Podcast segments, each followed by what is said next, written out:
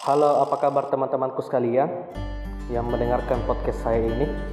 Semoga selalu dilimpahkan kesehatan baik jasmani maupun rohani selalu.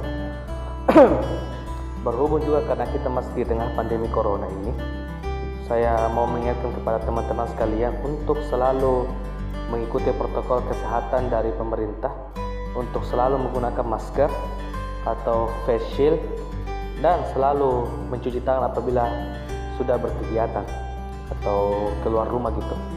Kalau perlu teman-teman pakai APD biar APD biar aman gitu.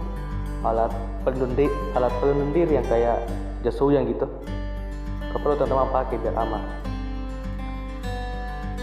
BTW, akhirnya saya bisa merilis episode pertama saya setelah mencari waktu luang di tengah kesibukan saya.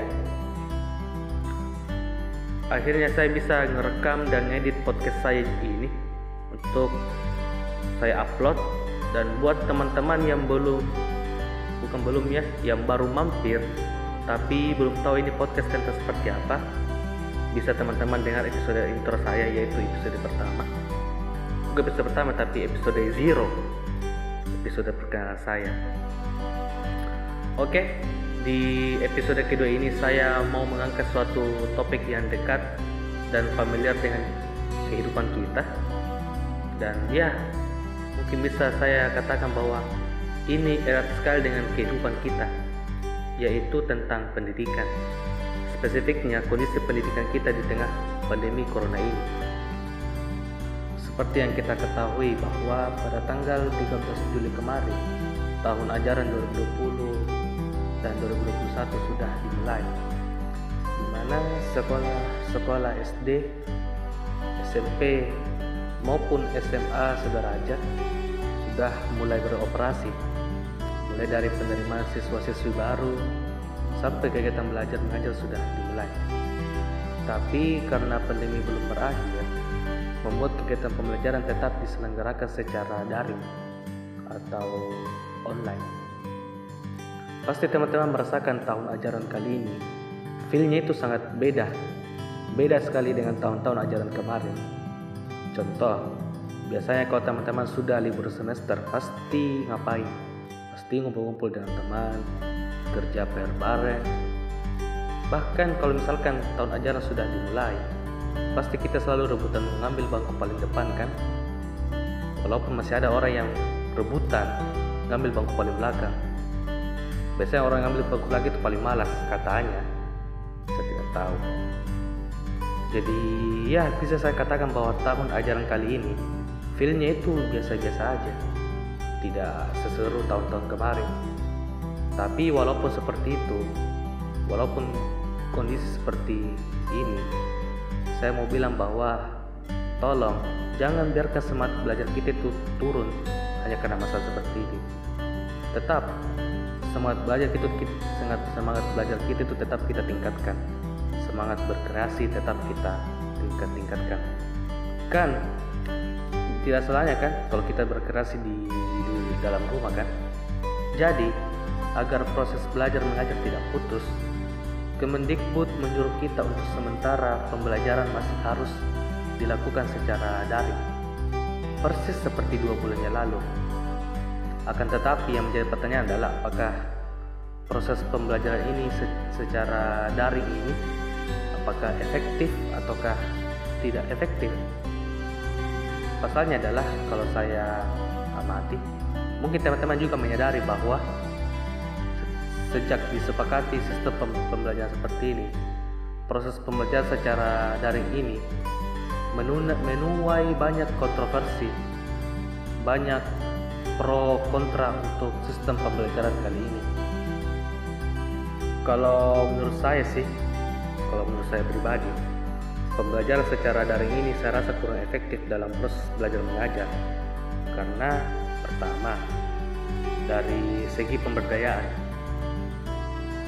saya rasa teman-teman menyadari bahwa tiap-tiap siswa dan siswa itu memiliki strata ekonomi yang berbeda-beda. Sehingga tidak bisa kita pastikan bahwa semua murid punya smartphone atau HP-HP Android kalaupun mereka punya HP ya palingan HP-HP communicator yang ya buat cuma nelpon dan SMS doang.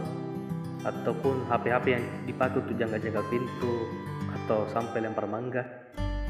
Bahkan ada murid yang tidak punya HP sehingga murid dengan kriteria seperti ini kesulitan dalam eh, apa namanya kesulitan untuk belajar. Karena pertama dari segi pemberdayaan HP terus kedua eh, bagi orang-orang yang yang apa namanya HP-nya tidak ada pasti kesusahan untuk menggunakan aplikasi Zoom kan? Dan kalau tidak salah itu aplikasi Zoom itu hanya bisa di, di, di download di HP-HP Android yang minimal eh, versi Androidnya itu Jelly Bean ataupun KitKat kalau tidak salah. Kalau tidak salah. Kayak tetangga saya. Saya punya tetangga namanya Nabila itu kelas 2 SS 2 SMP kerjaan orang tuanya itu adalah petani. Jadi ketika teman-teman yang kata petani pasti teman-teman sudah bisa mengira bahwa strata ekonomi itu di bawah di bawah UMR lah. Jadi orang tuanya itu tidak mampu membelikan HP yang bagus untuk mendukung belajar online kalau tidak salah itu HP-nya ini anak. Itu mereknya Mito. Mito bukan Android ya suku Mito itu bukan yang Mito Android. Yang HP Mito biasa yang speakernya besar kayak speaker mobil. Jadi agar dia tetap bisa mengikuti kegiatan belajar mengajar eh Sinabila ini itu keliling rumah untuk minjam HP jam HP gitu. Minjam HP supaya tetap bisa belajar. Jadi tolonglah untuk pemerintah kalau misalkan mau dibilang solusi ya solusi paling efektifnya itu adalah kasih semua murid-murid itu HP kan jadi langsung masanya tuntas tapi aku yakin sih bahwa pemerintah pasti mendapatkan solusi untuk hal itu Selain masalah smartphone, koneksi internet juga menjadi masalah pemberdayaan. Kayak kita tahu bahwa tiap daerah itu kualitas koneksi jaringannya berbeda-beda kan. Apalagi yang tinggal di bagian-bagian pedesaan, yang kartu providernya itu paling bagus adalah Telkomsel, yang kotanya mahal, jadi kesulitan. Bahkan hal ini bisa merenggut nyawa loh, kayak yang pernah kejadian di Sulawesi Selatan ada mahasiswa Universitas Universitas Hasanuddin tewas terjatuh saat memanjat memanjat menara masjid untuk mencari sinyal internet. Berita ini teman-teman masih bisa baca gitu platform berita masih bisa teman-teman baca. Akan tetapi ada kabar baik teman-teman.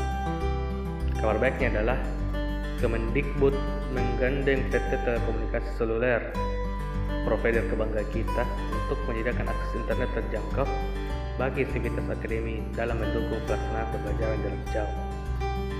Salah satu bentuk dukungannya adalah kalau tidak salah memberikan kita kota dengan harga murah. Kalau tidak salah, yang tidak sekalian digariskan saja ya.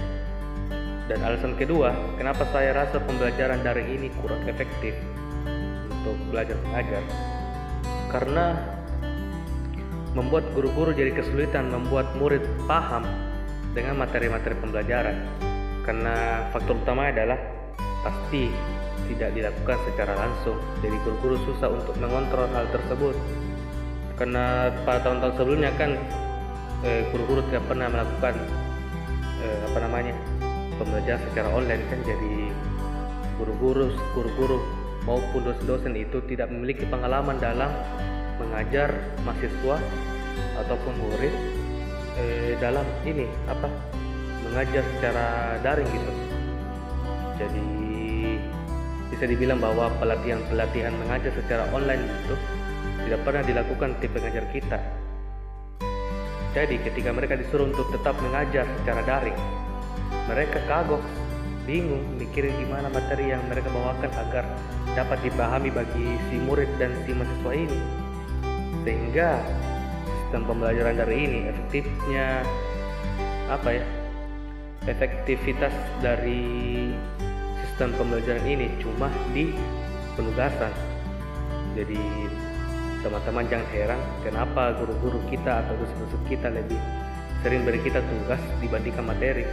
Karena yaitu guru-guru kita tidak memiliki pengalaman dalam memberikan pengajaran secara daring. Jadi saran saya ya buat pemerintah khususnya Mendikbud buatlah workshop atau pelatihan-pelatihan buat tim tim pengajar kita. Workshopnya itu tentang gimana cara mengajar dengan jarak jauh gitu jadi guru-guru kita bahkan dosen-dosen kita punya apa namanya sudah punya gambaran atau punya kiat-kiat untuk cara untuk belajar mengajar secara online. Jadi jadi sistem belajar mengajarnya itu tetap bisa jalan. Kalau dibilang telat sih enggak ya. Justru sekarang adalah waktu yang tepat untuk melaksanakan pelatihan-pelatihan itu. Karena kan tahun ajaran baru kan juga baru dimulai semester baru juga baru masuk. Kalau tidak salah bulan Agustus karena bagi saya itu pembekalan ini sangat penting. Apalagi kita tidak tahu bahwa pandemi corona ini kapan berakhir dan sampai kapan pembelajaran secara daring ini harus dilakukan kan? Jadi tolong bergegaslah. Selain itu selain masalah proses pembelajaran ada satu masalah yang muncul di tahun ajaran baru kali ini yaitu masalah biaya sekolah masalah biaya sekolah. Ya tidak turun-turun meski di tengah pandemi ini. Yang tentu saja of course membuat beberapa orang tua semakin sulit menghadapinya. Apalagi yang sekolah di sekolah-sekolah swasta ya mungkin sudah pusing sekali. Tapi untuk masalah itu sih aku sarankan untuk orang-orang tua kita agar mencoba untuk negosiasi dengan pihak-pihak sekolah untuk mendapatkan keringanan keringanan biaya seperti uang-uang kegiatan itu kayak tidak usah dibayar atau mungkin uang-uang pembangunan sekolah juga tidak usah dibayar dan lain sebagainya. Karena toh murid-murid juga kan tidak milik tidak apa namanya tidak menikmati kan tidak menikmati fasilitas kampus ataupun fasilitas-fasilitas fasilitas sekolah. Jadi percuma bagi saya percuma tapi ya nggak harus gratis juga sih. Karena kasihan juga kan buat tim pengajarnya mereka mereka mereka itu masih harus digaji. Atau masih bisa survive di tengah-tengah pandemi corona ini. Aku rasa sih hal ini bisa diatasi ya. Apalagi sekarang kan roda perekonomian kita udah mulai berjalan lancar kan. Jadi kita sebagai orang tua udah mulai bisa dengan kiat untuk mencari or mencari uang.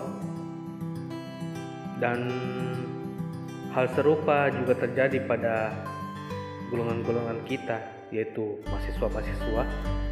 Apalagi saya kan kuliah di kampus swasta kan. Tapi baik juga kok kampus-kampus yang UKT-nya tidak diringankan sehingga mahasiswa-mahasiswa yang apa namanya yang merasa tidak setuju bahwa UKT tidak diturunkan mereka memilih untuk mendemo mereka mendemo dekan-dekan agar UKT bisa diturunkan. Karena toh seperti yang saya bilang percuma kita membayar UKT atau SPP tapi kita sendiri sebagai mahasiswa tidak bisa menikmati uang yang kita bayar kan? Seperti fasilitas AC kampus, bangku, teras, tangga kampus dan lain sebagainya. Jadi kalau kita tidak menikmatinya ya kan percuma kan? Percuma bayar UKT mahal-mahal tapi tidak menikmati fasilitasnya jadi tolonglah buat semua kampus-kampus agar diberi keringanan. Khususnya kampus saya aku tuh gini ya. Aku kan kuliah di kampus swasta. Dan alhamdulillah mata kuliah aku tuh udah tuntas. Aku juga udah kuliah kerja praktek. Dan sekarang sedang tengah membuat proposal yang aku target sebenarnya selesai semester kemarin yaitu semester 7 tapi terhambat karena aku tidak bisa turun ke lapangan untuk meneliti. Aku kan jurusan arsitektur dan prospek dan prospek penelitian itu kan harus turun ke lapangan supaya kita bisa tahu tapi tidak terjadi karena ya kita tahu bahwa corona. Jadi banyak banyak daerah-daerah di di kampung itu tutup supaya tidak ada orang-orang luar itu bisa datang. Jadi saya terhambat untuk mengurus proposal saya